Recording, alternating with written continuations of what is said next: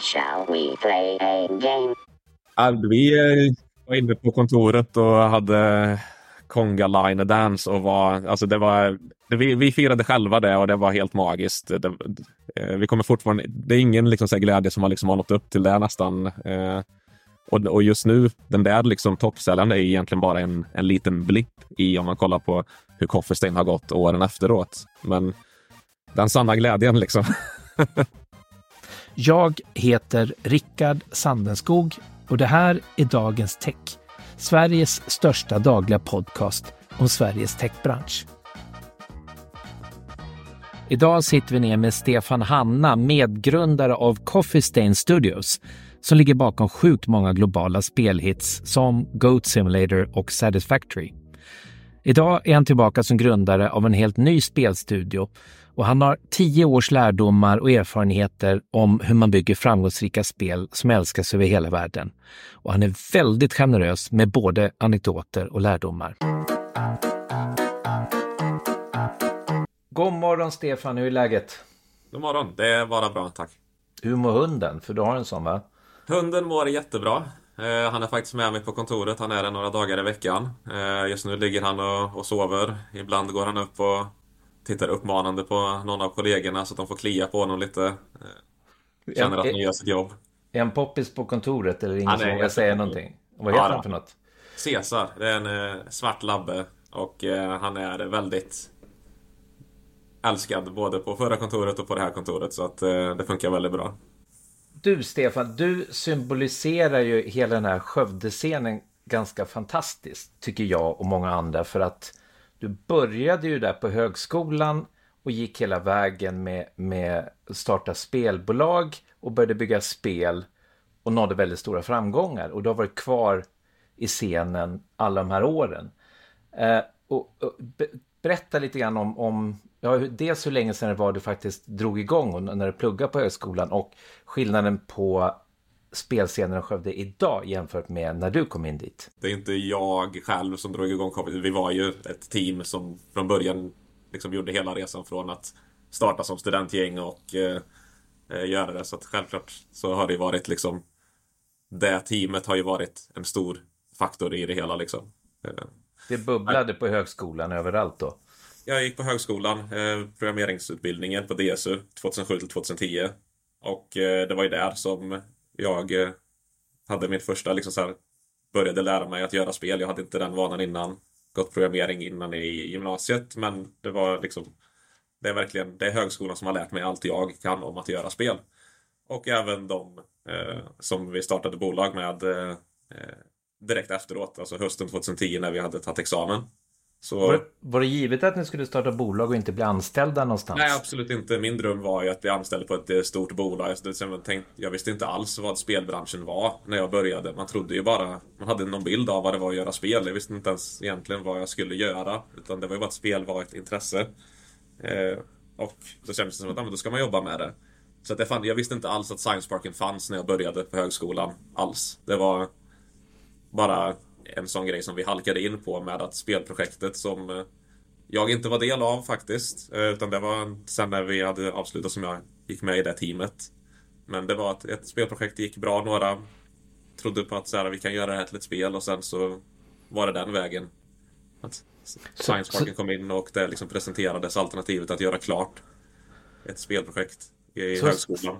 Till ett science, Science Parker fanns där och fångade upp er när ni kom entusiastiska och kreativa och ville bygga spel från skolan och de sa Precis. Hörni, ni ska bygga bolag runt det här. Exakt. Var det typ så de sålde in det? Ganska mycket så. Um, sen fall det var någon som hade någon kontakt eller inte, jag, jag vet inte riktigt exakt hur det gick till, men de var ju helt klart uh, Vi visste ingenting om företagande eller vad vi behövde göra eller att ens att man ens kunde tro att man kunde starta bolag. Men det är det, de planterar ju den idén ändå igen att så här, gör det själv. Och vad tro, kände de då, tror du, att det här kommer funka? Eller var det en osäkerhet där tidigt också? Att, för, för branschen var ju ny då och Skövde ja. var ju fortfarande obevisat. Men ja. ändå fanns ju de där pensionerade entusiasterna som var, var beredd på att plocka upp er och satsa på er. Jo men och det fanns ju helt klart ett driv av eh, några människor där på Science Parken som skapade hela det här Sweden Game Arena. Att så här, ja, men vi kan göra det här. Det var ju några bolag som hade startat upp eh, innan oss som ändå var fungerande så att de trodde ju på processen att vi kan göra spel här själva. Det var väl lite grann inspirerat av eh, DICE och Battlefield. Alltså att titta vad Sverige kan liksom. Ehm, så att sen fall de hade så full tro på oss som team eller mer på konceptet att det kommer komma studenter som kommer göra spel. Det kanske var lite av en shotgun approach att vi tar, försöker ge några ungdomar en chans att göra sin grej och så ser vi vart det leder liksom. Det, det är svårt att veta hur mycket liksom de trodde på, på just vår idé. Jag menar, vi var också naiva och kom med idén att vi skulle först göra sex stycken iPhone-spel per år. Det var det vi sålde in till dem först. Att mm. eh, vi skulle göra massa iPhone-spel för att det var det som var hett. Och hur gick det då? Nej, vi, vi hade ett spel som gjordes på, under, under ett år, så det var ju långt under den gränsen som vi trodde. Det, det tar tid att göra spel. Uh, och det var ju Nej. faktiskt det spelet som gav oss en liten startsträcka att göra det som blev vårt, vårt stora spel för den tiden. Uh, ett PC-spel. Uh, som vi släppte på Steam, som liksom blev det som byggde vidare bolaget. Och vad hette det? Sanctum. Eh, det var det som var det studentprojektet som vi egentligen ville göra men vi trodde väl på den här affärsmodellen med eh, iOS-spel för att det var det som var hett och jag tror att det även var var eh, Science Parken liksom såg att vi hade ett hyfsat bra öga för, för business liksom och förstod det. Sen gick vi tvärt emot det och det gick ändå hyfsat. Men det, ja, det, det är den där lärdomen man vill ska vara sann, att när man följer sitt hjärta ja, så men... blir det mycket bättre. I alla fall i den kreativa processen. Det ledde till att vi kunde bära våra kostnader. Och det är ju nio personer som började vi anställa två, tre personer under eh, det året efter spelet var släppt. Eh, och vi eh, nådde häftiga gränser, en omsättning på 10 miljoner första året, vilket var liksom så här för oss var det bara oj, vi, vi klarar det här. Det, det kanske är på riktigt. För det var ju en, det var ju en chansning. Vi, vi fick ju lite ekonomiskt stöd via att det var ju någon entreprenörsutbildning vi gick det första året med Science Parken när vi, när vi startade bolaget. Så att det var ju relativt riskfritt och jag tror att det var väldigt viktigt för oss att vi fick stöd. För hur skulle vi annars kunnat lagt ner tiden på att sen nio personer göra en produkt utan någon som helst ekonomisk? Ja, men det var inte många miljoner va? Nej, nej, nej. Det var ju motsvarande studentlånspengar för eh, ett, några av oss, inte alla nio utan fem, sex stycken av oss. Just det. Eh, och sen... Det gav oss möjligheten. Och vad hände efter Sanctum? Eh, vad ledde fram till? Ja, vi, ni... Eh, vi släppte det spelet och det gick faktiskt eh, bättre än de flesta spelen. Om man, alltså, att den sälja är ju en framgång liksom. Att, att nå ut till publik är en framgång i sig. Men vi lyckades eh, bygga vidare på spelet och eh, Eh, det var faktiskt en väldigt eh, så här, vändpunkt. Vi sålde spelet på Steam som är en online PC-plattform för att köpa spel. Mm. Och det, det, var, det, var, det, var, en ganska ung plattform då. Ja, vi, vi var bland de första eh, eh, spelutvecklarna, utgivarna som var liksom inbjudna till den plattformen. Det här var i en tid alltså när vi fick mejla till Valve och fick ett direkt svar av en person som jobbar på Valve som svarar Hej, ja, ni kan släppa ert spel på våran plattform. Oj. Jag tror att det var vi som släppte under den veckan. Alltså vårat spel var det som släpptes den 15 april och sen så kom det inget annat under den veckan. Nu släpps det hundratals spel varje dag. Så att det var absolut en del av att vi var så tidiga där, att vi etablerade oss och kunde även förstå hur plattformen funkar. Eh, I mångt och mycket tidigt. Och Valve-gänget, de som ligger bakom Steam-plattformen, mm. är ju extremt passionerade spelutvecklare. Ja. Det, de har varit helt centrala. På, någon gång långt tillbaka på 90-talet så skrev jag en recension på Half-Life. Som ja, kom med okay. print och det råkade bli den första printrecensionen av spelet. I och Nej, det, det var få dagstidningar som, som skrev om spel då, så att den svenska förläggaren, jag kommer inte ihåg vilka det var, faxade den då till Valves huvudkontor. Eh, ja. Och de blev jätteglada då att de hade sett den. Var det Sierra eller var det någon annan förläggare i Sverige? Ja, det kan nog ha varit Sierra va? Det här det är ju 25 år sedan. Ja, ja. Nej, det är ändå kul att höra. Men det gick i print i alla fall. Ja. Det, var, det, print var stort på den tiden. Mm. Ja, nej men kul. Så att ni, ni tajmade in det första PC-spelet just på, på Steam. Där. Där fanns ju både distribution och monetization redan på plats. Precis, och då fick vi också även synlighet eftersom att bara att vi släppte, då var ju det på hemsidan, alltså New Games, eh, man ser att spelet kom, så det fanns ju en vi, vi hade nog väldigt mycket tur. Frågan är hur spelet skulle gått om det skulle släpps idag när det är mycket mer konkurrens. Man vet ju aldrig, alltså, det har ju förändrats något otroligt på den här tiden. Ni var ensamma i skyltfönstret på Steam. Lite, lite så. Vi fick mycket mer plats än vad, jag vet inte, för, ja, än vad vi skulle kunnat få idag, helt klart.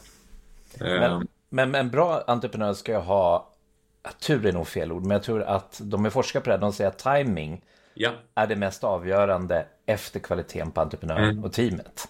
Ja. Eh, mycket, mycket viktigare än produkten i sig. Och om vi tar, det här är tur med tajmingen då, eller, eller perfekt mm. magkänsla. Beskriv lite eh, snirklarna som ledde fram sen till Goat Simulator. Ja, det tror jag, det var ju... jag, kan ta lite snabbt spår där med vad som ja. hände från 2011 till 2014 då, som var det magiska året för eh, Goat Simulator. Um, det gick bra, vi fick in så att vi eh, täckte våra kostnader, men eh, det gick ju sakta neråt för att det blev inget, det blev inget spel som höll sig kvar. Sen blev det ett genombrott när vi eh, i, efter tre månader bestämde oss för att vara med på sommarrean 2011. Och då hade spelet bara varit ute i tre månader och vi tänkte vi lägger det på 75% rabatt för att ingen köper spelet ändå och ser vad som händer. Och då fick vi vår första så här riktigt stora synlighet när vi under den, det årets sommarrea var toppsäljande spelet. Eh, och det här var jättestort för oss. Vi såg Sanctum, sen såg vi GTA 4 och så såg vi liksom de här riktiga spelen och bara så att vårat spel säljer mer än de här i hela världen på PC just nu. Ni slog Activision och EA och alla andra spelare under den sommaren? På, på, på Steam. Alltså, sen fanns det ju självklart konsol. Alltså, men i den här lilla världen då. Så mm. var vi för en, ett dygn så var vi bäst. Och det där betydde så mycket, både så här, den ekonomin det gav. Det där gav ju oss möjlighet att fortsätta bygga lite DLC, alltså mer content till spelet och sälja. Och även satt upp så att vi kunde göra en uppföljare. Vilket vi gjorde och satsade lite mer pengar på. Eh, där fick vi lite blodad tand och trodde då att eh, spelet är känt så vi kommer göra Xbox 360 och Playstation 3 och PC samtidigt. Nu är vi, nu är vi häftiga, nu, nu ska vi göra det här på riktigt. Porta till alla plattformar samtidigt. Ja, det här lilla teamet på då 15 personer som gjorde det här helt själva. Helt galet nu i efterhand. Jag fattar inte hur vi lyckades, hur vi hann, hur vi behöll våra sinnen, vårat hår. Jag, jag vet inte hur det gick till, men det gick. Eh, efter mycket om och men och slit. Och det blev inte alls den stora hitten. Vi, vi var ju naiva och trodde att om vi lägger ner en miljon kronor på Sanktum 1. Om vi lägger ner tio gånger mer så kommer vi tjäna tio gånger mer. För att det, är ju, det blir ju bättre. Det är inte så världen funkar. Bara för att du lägger ner mer effort betyder inte det att du får ut mer av det. Det är ju trå ja, det är tråkigt, men det är, det är ju säkert sant. Men, ja, men det, jag vill, mm. ta den här sommaren då, när ni blev den största ja. hitten under den stora sommarrean. Mm. hur, hur firar man det i Skövde? Vad gör ni liksom? Ringer ni mormor och vrålar? Vi på kontoret och hade Konga Line Dance och var, alltså det var, vi, vi firade själva det och det var helt magiskt. Det, eh, vi kommer fortfarande, det är ingen liksom så glädje som har, liksom har nått upp till det nästan. Eh, och, och just nu, den där liksom toppsäljaren är egentligen bara en, en liten blipp i om man kollar på hur Coffee har gått åren efteråt. Men den sanna glädjen liksom. Ja, men det, det är de oväntade framgångarna när Precis. man själv blir överraskad. Och så här, titta, kärleken är reciprocated liksom. Mm. Andra mm. tycker också att det här är bra. Ja, ja, men det var ju verkligen det som... Eh, det, det, var, det var väldigt kul. Det var, det var en stund för oss bara. Mm. Jag gissar att du har längtat tillbaka till det där tidiga ruset, men vi återkommer till det. Ja, ja precis. Det, det är vi, vi kommer återkommande tema. Men ja, sen gjorde vi Sanctum 2. Eh, det tog upp 2012, 2013. Eh, och vi försökte Även där så gick det helt okej. Okay. Det täckte våra kostnader men vid slutet av 2013 så bestämde vi oss för att okej, okay, men nu är det inga mer uppdateringar till spelet. Nu fokuserar vi på någonting nytt. Nu gör vi lite prototyper och kommer fram med nya spel så vi ska sikta på. För vi hade också en kassa som räckte i sex månader till så att det var lite så här, vad, vi behöver ha någonting. Och då alla i teamet fick eh, pitcha idéer och vi valde ett spel. Eh, alla var väldigt peppa på det här spelet. Det här var i början av eh, 2014 då som vi hade bestämt oss i januari. Men det fanns ett annat spel som en på teamet hade pitchat som var lite enklare, lite roligare, som skulle vara lite så game jam-aktigt och vi tänkte att okej, okay, men vi gör det där spelet innan det här som vi faktiskt vill göra. Och det där lilla spelet var ju Goat Simulator.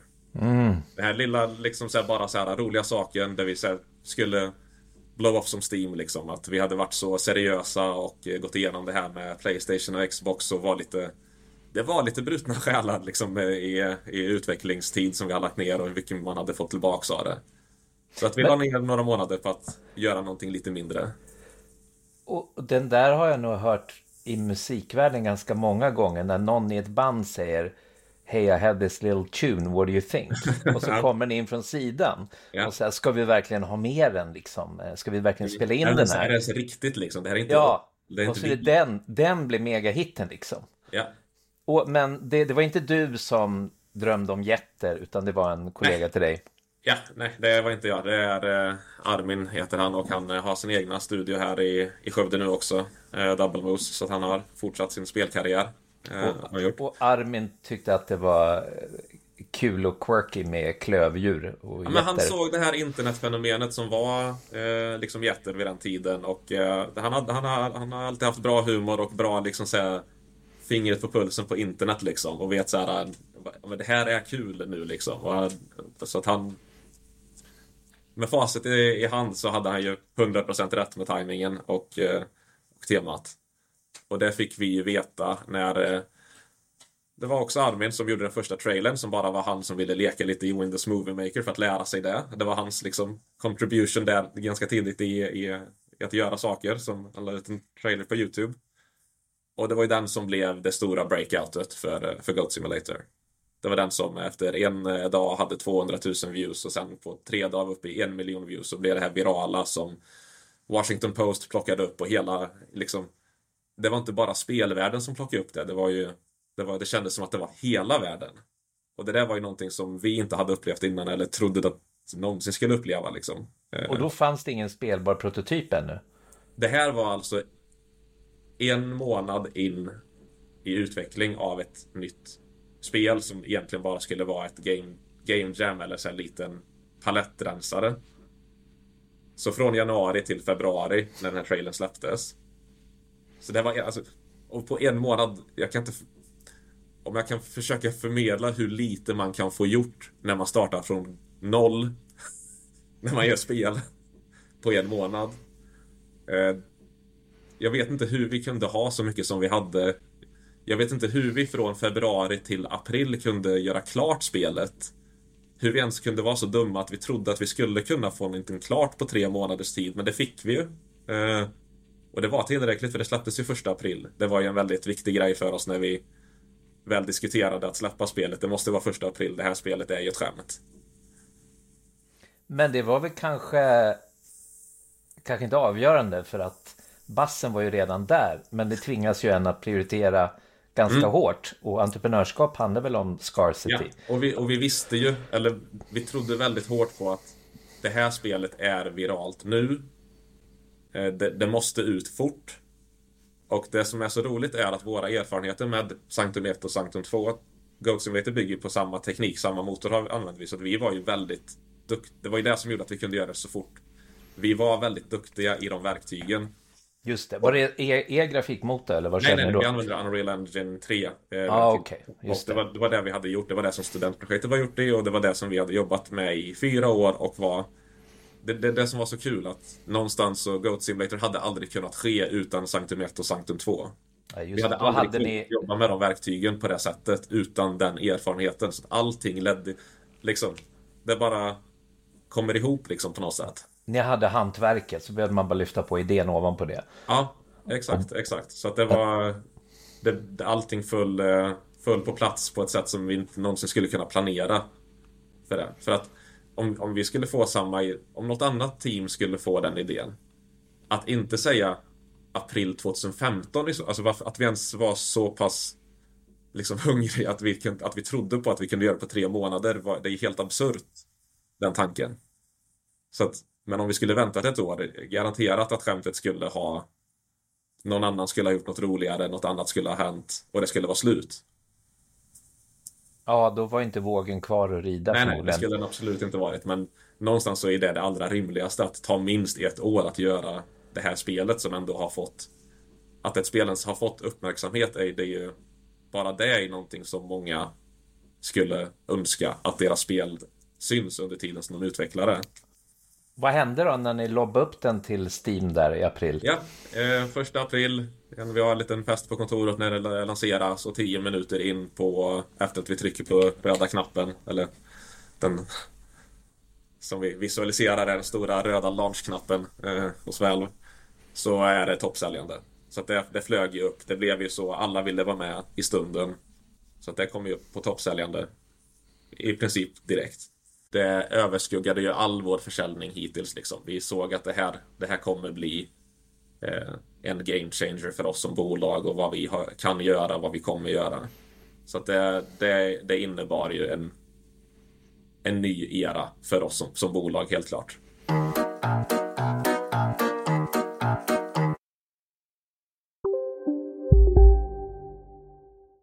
Hej, Synoptik här. Hos oss får du hjälp med att ta hand om din ögonhälsa. Med vår synundersökning kan vi upptäcka både synförändringar och tecken på vanliga ögonsjukdomar. Boka tid på synoptik.se. Hej, Susanne Axel här. När du gör som jag och listar dig på en av Krys vårdcentraler får du en fast läkarkontakt som kan din sjukdomshistoria. Du får träffa erfarna specialister, tillgång till lättakuten och så kan du chatta med vårdpersonalen. Så gör ditt viktigaste val idag, lista dig hos Kry.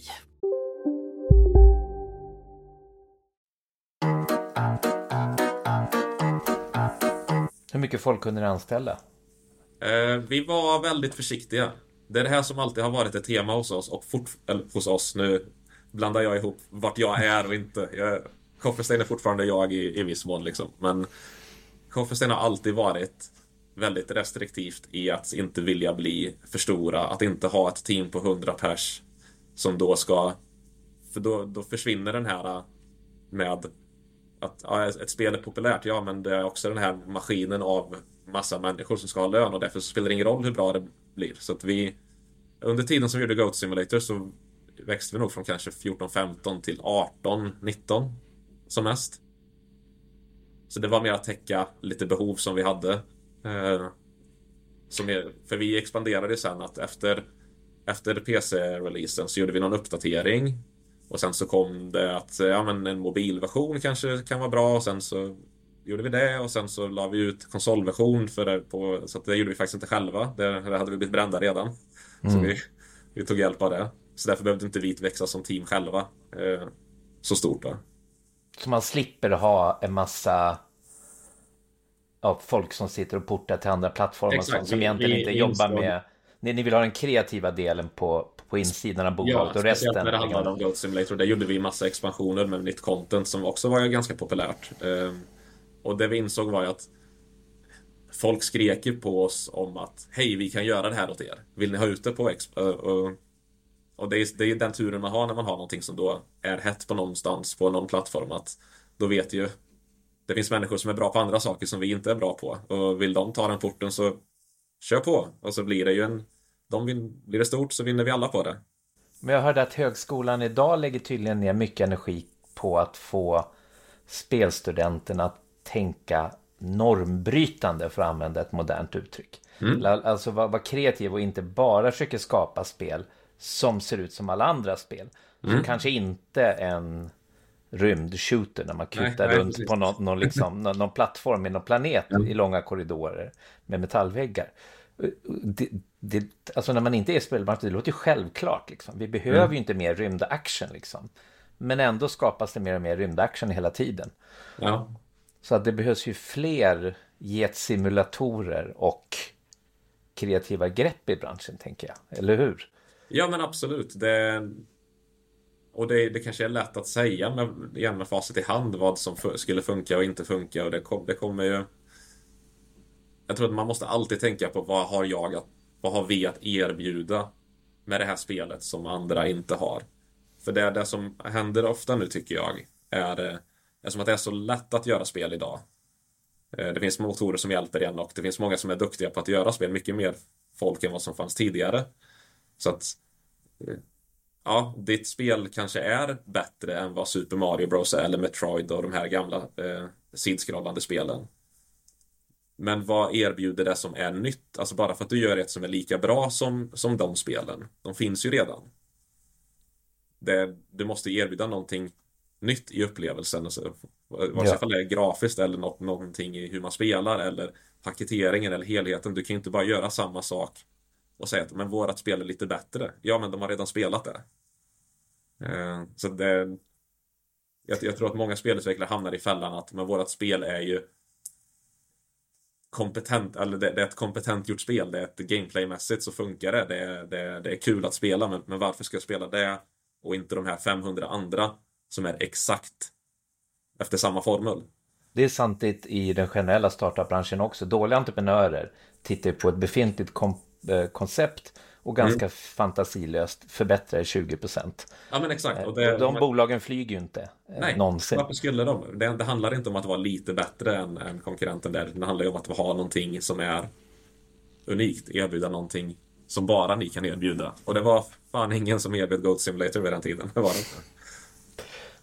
Kan vi prata lite grann om eh, för att bli en stor framgångsrik spelstudio mm. måste man göra två saker. Man måste bygga fantastiska spel och så måste, måste man ju även bygga själva systemet som inkuberar spelen, alltså själva bolaget med personalen och balansräkning och rekrytering och HR-policies och julmiddagar och, och mm. utvecklingssamtal och sånt. Och hur, ja. hur, har, hur har du hanterat den där kopplingen mellan de här två byggena som man är tvungen att jobba med samtidigt och så får man ju se till att den ena kan ju inte vinna över den andra utan man måste ju ha en ett stabilt bolag men som ändå ger, ger liksom kreativt utrymme. Mm. Uh, man måste våga ta risker men å andra sidan måste man ha pengar på banken. Mm. Beskriv lite grann hur, hur Coffee Stain växte i de här dimensionerna.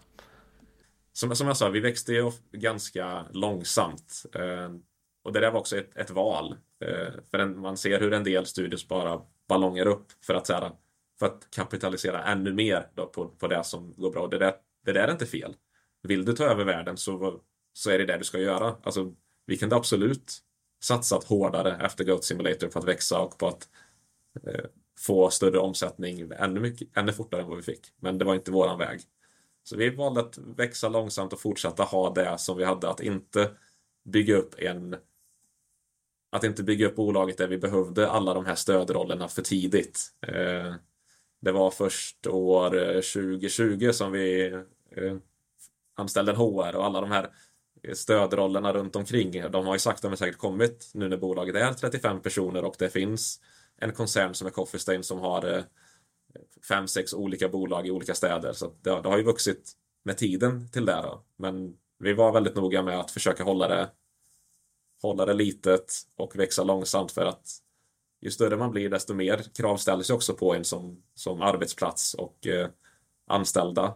Man behöver ju ta hand om dem och ju mer man har desto fler olika människor har man och då kommer det med problem och det kommer med nya saker vi inte visste var vabbande var eller hur man sköter sjukskrivningar. Vad, vad är en bra arbetsplats? Vad har man för ansvar? Vad, vad, ska du göra? Vad ska du inte göra? Vad har du rätt att säga? Vad har du rätt att kräva av anställda? Vad har du, rätt, vad har du för skyldighet för att de ska utvecklas? Och, ja, allt det där har ju sakta men säkert kommit för att Kofferstein har blivit en större arbetsplats som också Eh, alla har varit överens om att vi vill ta ansvar för eh, de människorna som vi tar in. Så det har ju kommit en sakta upptrappning av det. Men som du säger, man vill inte låta det heller bli en man vill inte låta det bli en för stor filt som trycker ner det kreativa och människor som Ja, jag tänkte fråga sig att, är det att man vill inte växa så fort att det inte, det inte längre är roligt att jobba.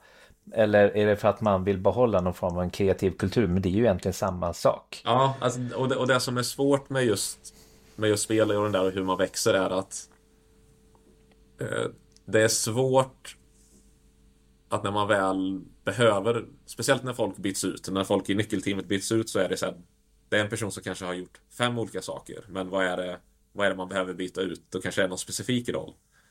Och då kanske man börjar gå mot ett mer ah, okej, okay, men då har vi ett team av 3D-grafiker och 2D-grafiker och programmerare och en som gör det här och det här. Det blir mer uppdelat. Då behöver du helt plötsligt någon som, som har helhetsbilden och någon som delegerar och du har leads och du behöver struktur för att folk inte av naturliga skäl inte tar helhetsbilden liksom. Eh, nu, börjar vi prata, nu börjar vi prata så här mellanchefer och... Ja, eh, det, det, du, ser, du, ser, du ser vart det kommer in. Och då, då blir det liksom så här för att få in någonting i spelet så ska det gå igenom tre personer eller, eller så vill man att alla ska ha inflytande och, och ja, det, det, blir de där grejerna. Och ju större man blir desto svårare är det att ha inflytande på allting för att spelet blir, vi gör ju större spel när vi är fler människor. Och det, och det är ju också beroende på vilka människor man har. Alltså jag skulle säga om man har en... Det, det finns ju exempel i spelvärlden på Hideo Kojima som är liksom den mest kanske så här, man, man vet att det är en person som påver som är stark i sin röst när han gör spel och att han vet vad han vill ha och är liksom nästan liksom enhällig eh, härskare över, över sitt spel. Eh, men har man inte en sån stor, stark personlighet som vet vilket spel man vill göra då då kanske man inte ska ha ett jättestort team som inte vet vad de gör om ingen säger till dem vad de ska göra så att säga. Då kanske man behöver ha det här att alla liksom samarbetar på ett annat sätt. Apropå kreativa och kanske från utsidan irrationella beslut så, så bad min mm. son att jag skulle fråga dig dels varför ni hoppade över Goat Simulator 2 gick direkt från 1 till 3 och ja. tyckte han var kul och så var han impad över att ni hade med en collab med Deadmau5 också. Ja. Så hur, hur gick de två besluten till? Ja, eh, Deadmau5 var ju det första för att det var ju redan i Goat Simulator liksom 1 eh, kom det in tidigt. Eh, och det, det var faktiskt bara så att han är en, en spelare och han var inne på Goat Sim-skämtet väldigt tidigt och älskade det. Så det var han som frågade oss och bara sa hej, vill ni ha en låt? Jag kan wow. göra en låt till er. så att det finns inte ens, vi, vi, har kollat i efterhand nu när saker och ting har blivit större med att säga, hur är det med kontraktet? Äger vi den låten? Eller, han, han bara gjorde en grej på sin dator och skickade över till eh, våran designer. Eh, som Jättekul ju. Ja, det, det, är så otroligt kul hur han bara, han bara gjorde det. Eh, det finns lite videos när han eh, har sina konserter och har någon Goat Sim t-shirt på sig. Eh, och det, det är jättekul. Så det där var en sån här helt organisk sak som bara hände för att, eh, för att alla inblandade ville att det skulle hända. Det finns fortfarande inget kontrakt på den låten som han gjorde till Goat Simulator 1. Jag tror, jag tror nog att det är lugnt. Ja men det, det, är ju det, men samtidigt så du vet, när det kommer till olika människor bara, men, nej, men det, här, det här känns osäkert. Vem är det som ska liksom skriva under på att det är okej okay när det kommer till att allting måste ägas och det, det, det ja. Det vill bara hoppas att han inte säljer hela sin katalog för hundratals miljoner och att det blir någon rättighetsägare ja. som går och jagar, jagar alla mm. IP sen efteråt. Så, så där, den, eh, där, där är vart det här kommer ifrån. Och uh, Goat Simulator 3, det var ju också för att vara till, det här Goat Simulator 3 gjordes ju av ett annat team än det i Skövde. Mm. Eh, det gjordes ju av eh, Coffee Stain North som är en studio vars första spel vi var publisher för och som sen har vi samarbetat så pass mycket med det teamet att de till slut blev en, en helägd del av Coffee Stain och blev Coffee Stain North. Så det var de som utvecklade Goat Simulator 3 och haft egentligen eget ägande över det spelet.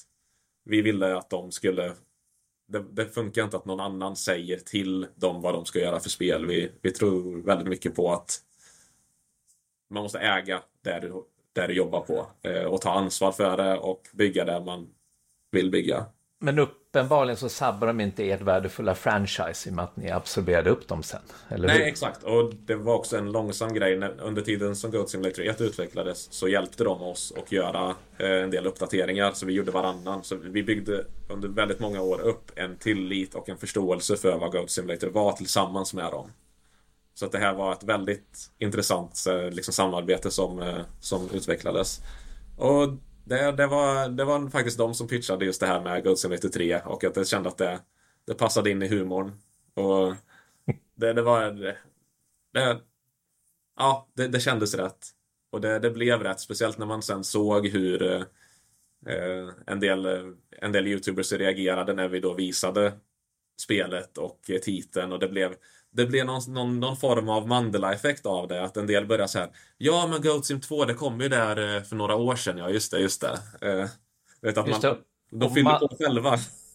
Och Mandela-effekten, det är den där konstiga psykologiska effekten att man tror sig upplevt någonting som man ja. inte upplevt. Precis, precis.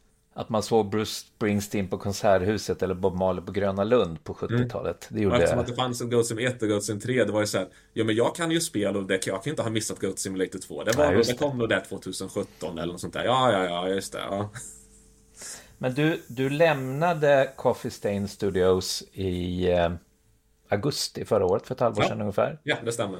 Beskriv det bolaget som du lämnade då. Eh, för då var det ju då, var det och är fortfarande både en spelstudio och förläggare av andra studiospel också. Ja, Stain är helhet. Så Coffee Stain Studios är ju den faktiska spelutvecklaren, utvecklarstudion i Skövde. Som egentligen var det här originalteamet då.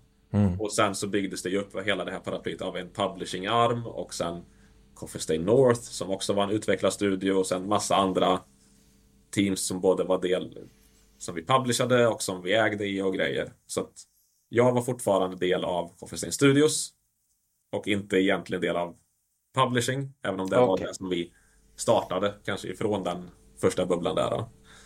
Eh, Så att jag var kvar i den studion som jag var med och, och grundade och jobbade som programmerare i, i, i tio år. Eh, Och sen vid 2020 så tog jag över rollen som studiochef och VD för det bolaget. Och det kom ju med eh, lite nya saker. Helt plötsligt var det en, kunde jag inte vara en bitter programmerare som bara sitter och muttrar för mig själv när man inte tycker om saker utan helt plötsligt var det folk som kom till mig med deras problem och jag skulle lösa och jag skulle få saker och ting att gå framåt och bolaget att föränd, liksom, ledas framåt.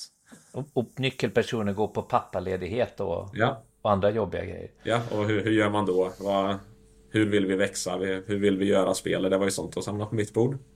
Så att jag personligen växte ju antagligen mer de här de två åren som jag var studiechef. för att det var så mycket nytt för mig. Jag är inte kanske egentligen en sån people person men jag kände att jag kan jag kan inte ta den här rollen om jag inte om jag inte öppnar upp mig och faktiskt liksom kommer det upp saker så måste jag hantera det. Jag ska inte skjuta det på någon annan. Det var, det jag kände att så länge som jag har den här rollen så måste jag göra det på det sättet som jag som jag skulle kräva att någon annan gör det. Och jag, jag kommer ihåg att när vi det första året i, på Science Parken satte upp mål så här, hur vad är Coffee om fem år så pratade vi om att ja, det skulle vara kul om vi var liksom om vi växte på bredden och inte blev bara en jättestor studie utan att det kanske öppnade upp sig flera olika och det var ju precis det som hände.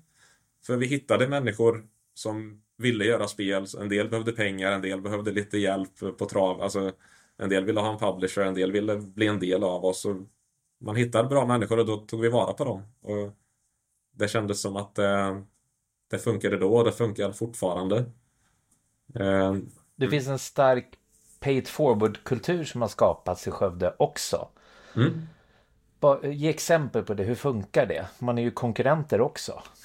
Ja, man, man skulle kunna tro det att eftersom att eh, kompetens eh, att vi rycker från varandra för att det är så få eh, seniorer och allt sånt där. Men jag tycker inte att det är så mycket sånt alls utan alla blir nog glada när det händer någonting bra i Skövde för något bolag. För att det innebär bara mer exposure till den bubblan vi är i. Till, till eh, Skövde spelstad. Att fler blir intresserade av högskolan. Fler blir intresserade av att eh, göra spel här. Så att eh, jag tror inte att det finns så mycket folk som är eh, avundsjuka eller bittra på, på någons framgång direkt. Eh, och eh, ja, jag har i alla fall alltid varit väldigt tacksam för det som finns och när eh, eh jag skyr inte undan att säga att Coffee Stain skulle inte funnits om det inte vore för Science Parken, om det inte vore för högskolan. Eh, jag, jag kan ha åsikter om utvecklingen eller vad högskolan gör för tillfället, ifall det är rätt väg som de liksom hur, hur utbildningen ser ut eller inte. Men det är fortfarande så att ekosystemet med högskolan och Science Parken tror jag väldigt mycket på. Och att Skövde har en väldigt stark framtid om det fortsätter att satsa på det. Uppenbarligen så funkar det ju med att staden som sådan fortsätter ju producera hits. Och det är inte en studio, utan det är ju staden i sig. Ja. Med många studios som fortsätter producera hits. Så det finns ju en någon form av ekosystem, spridningseffekt, amplification. Att alla gynnas av varandras närvaro. Ja. Sen tror jag inte att eh, man kan tro att det kommer att rulla på för evigt. Att om, om man inte tittar på hur man förbättrar sig och gör rätt, rätt saker för att fortsätta vara relevant. Eh, det, där, det där är en sån sak att eh, även, även om jag tror att det finns utbildningar på andra städer där de kanske satsar bättre på att försöka skapa bättre eh, rent så här, kunskapsmässigt spelutvecklare. Men där hela ekosystemet inte finns och därför så går det inte lika bra. Att säga, Skövde vinner nu på att det har en, den rullande snöbollen. Just det. Eh, att det är svårt att få hela det ekosystemet att bara komma till på en på ett eller fem eller tio år ens nu. Men vi kan heller inte bara låta snöbollen sakta men säkert stanna för att den kommer nog också vara rätt så trögstartad om, det, om man inte är noga med vad gör vi? Vilken, hur ska utbildningarna se ut? Hur gör man spel idag? Eh, jag kan, högskolan är inte jättenoga med att prata med oss som är i branschen i staden med vad det är för människor vi tror eh, bäst. Där ligger ni då längre fram i och med att ni är mm. ute och exponeras mot globala ja. konkurrenter och kraven från globala Precis. spelare också. Ja. Ja, den feedbackloopen verkar ju rimlig att man, att man löser. Jag tycker att det finns väldigt mycket att jobba på det. Sen är det inte sagt att det är, det, det finns ett hjul, det snurrar, men man måste nog hela tiden kolla på vad funkar, vad funkar inte, eh, vart är mest points of improvement, vart kan vi, vad kan vi göra? Men, men eh, uppenbarligen så vill du inte föreläsa på universitetet för du lämnade Coffee Stain för ett mm. halvår sedan och nu har du startat en ny studio igen ja. från scratch. Ja. Med, med, lite gamla kollegor. Det stämmer. Eh, vad, vad, vad är det du längtar tillbaka till? Det var ju att faktiskt göra spel. Eh, jag hade en ganska turlig position eh, när, som studiechef att vi och eh, Coffee Studios utvecklar fortfarande det här spelet som eh, vi släppte Early Access 2019, Satisfactory. Eh, så det är ju det som är det relevanta spelet för den studion just nu. Det går jättebra fortfarande. Det går fantastiskt, eh, gör det. Och det är en pärla till ett spel efter alla år av utveckling som har lagts på det. Och jag har varit del av att utveckla det här spelet i större delen av dess tid också. Så att för mig var det så att jag kände folket, jag, jag kände spelet, jag, jag vet vad det är för spel, jag vet hur det, jag har gjort det spelet. Så det, det var väldigt tacksamt för mig att liksom jag var fortfarande del av det spelet på något sätt, men det försvann väl mer och mer för varje år som gick. Och eh, fler och fler kollegor byttes ut och det blev någonting annat i slutändan och eh, jag började längta tillbaka lite till att göra spel. Så det var, det var den driften som fick mig att vilja hoppa på den här nya kulan. Du är tillbaka och kodar igen då? Ja. Är du inte rostig då efter några år med, på, på vd-position? Oj du, jag hade mardrömmar under det, det, det, liksom semestern innan eh, jag gjorde liksom hoppet där. Vad, vad kan jag? Kan Jag ens någonting. Är det, här, är det här dumt? Men det tog inte många dagar innan liksom rosten var mer så här lite syntax, hur gör man? Men det kändes som att själva kunskapen fanns absolut där. Eh, I och med att jag har varit med och gjort ett antal spel så känns det också som att den erfarenheten det, det är den jag kommer med också som jag tror att eh, mina nya kollegor här också uppskattar. Eh, de skrattar inte när du checkar in koder liksom och går in och nej, kommenterar? Nej, absolut, absolut inte. Jag skulle aldrig våga. Vi, vi håller inne över skratten för varandra. Det, det berätta, berätta lite, vad, vad heter spelstudion och när, när, får vi se ett första spel från er? Nuggets Entertainment heter vi, men eh, när eh, vi har någonting som vi jobbar på eh, och någonting som var så pass intressant att eh, vi är ett antal som har velat hoppa med i den båten. Eh, men eh, just exakt när och så eh, och vad det är eh, vill vi inte säga bara sådär. Vi har ju planer på hur vi ska annonsa och eh, när vi ska visa det och vad, vad planen är. Men... Det viskas väl på stan om vad, vad titeln och spelet handlar om, eller hur? vi, vi, vi har liksom inte gått in i total hush-hush mode. Vi pratar ju med våra kollegor på våra gamla kollegor och folk eh, liksom i, i Spelskövde. Eh, och vi kommer vilja ha feedback och eh, interna speltester och såna här saker. Men just så här att annonsera är, är någonting som vi ser fram väldigt mycket mot att göra och kommer göra på, på våra villkor. Jag ser glädjen i ditt öga när du beskriver det här. Det är ganska härligt. Ja. Eh, jag hoppas att det hörs också. den trötta programmeraren tittar inte fram alltså. Det. Men avslutningsvis, eh, om jag är ung och eh, älskar att spela spel men även vill, vill jobba i branschen. Ska jag flytta till Skövde och plugga tycker du? Ja, eh, absolut. Det, det, finns några olika spår. Eh, det är väldigt intressant. I, I Malmö så finns det ett, eh, ett helt annat ekosystem som är Game Assembly och Massive. Det där är nästan till en fabrik för hur du kommer in i den stora branschen som är vill du jobba i ett team med 300 kollegor? Gå där. Det är AAA-titlar att jobba för Activision och The Big Americans. För, för, för Massive eller för DICE, eller det finns stora aktörer i Sverige också. Det, det där är absolut ett sånt spår som är bättre lämpat om du vill kunna eh, jobba med de sakerna. Och det, och det säger inte jag är dåligt att kunna vara med på en så stor produkt. Jag har ingen aning om.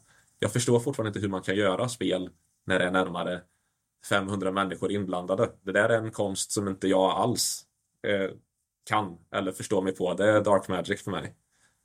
Men om du vill göra spel, om du vill göra dina spel, om du vill kunna göra någonting nytt eller bara sen känner att den lilla skalan är, eh, är mer intressant. Jag tror inte det finns något bättre ställe än, än Skövde för det. Du kan lära dig göra spel på högskolan. Eh, det finns stöd direkt efteråt. Det finns andra bolag här. Du kan lära känna spelutvecklare och få prata med dem. Man kan, ja, det finns väldigt mycket här för det och jag tror inte det finns någon annan stad där det har replikerats med den framgången. Stort tack Stefan! Ja, nej, men tack själv. Det var väldigt kul. Så dagens två viktigaste nyheter. Det konkursade svenska jämföretaget Hövdings unika teknik kan kanske återanvändas. Det är Dagens Industri som skriver att konkursförvaltaren Johan Klovus nu är i förhandling med en köpare av teknikplattformen och alla patent. Vi får hoppas att tekniken överlever och att vi i framtiden får se nya Hövdinghjälmar och att tekniken fixas till så att i alla fall svenska konsumentverket tillåter hjälmarna igen. Nu kommer förslag på att man ska börja AI-märka AI-genererat innehåll Förslaget diskuterades först i Davos för några veckor sedan, men nu plockar Meta upp idén och föreslår en helt ny standard för hela industrin och hoppas att alla andra spelare följer med. Och det kan vara bråttom. I den amerikanska presidentvalskampanjen har aktivister redan börjat använda fejkade röster och bilder på politiker för att driva opinion och många blir lurade. Dagens Tech är Sveriges största dagliga podcast om nyheterna och människorna i den svenska techbranschen. Podden den görs av mig, Rickard Sandenskog och produceras av Halvt Vargtjut Media AB. Och musiken kommer från Epidemic Sound. För att hjälpa oss med podden så skulle vi bli glada om du gjorde två saker. Följ oss eller prenumerera på oss i din favoritpoddspelare nu och tipsa alla dina vänner. Vi hörs!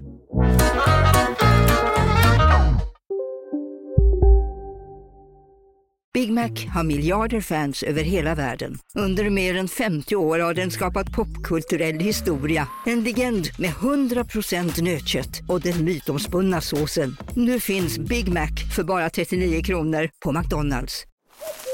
Okej hörni, gänget. Vad är vårt motto? Allt är inte som du tror. Nej, allt är inte alltid som du tror. Nu täcker vårt nät 99,3 procent av Sveriges befolkning baserat på röstteckning och folkbokföringsadress. Ta reda på mer på 3.se eller i din 3-butik. Hej, Synoptik här. Livet med glasögon ska vara bekymmersfritt. Därför får du 30% på alla glasögon när du väljer Synoptik All Inclusive. All service ingår alltid. Välkommen till Synoptik.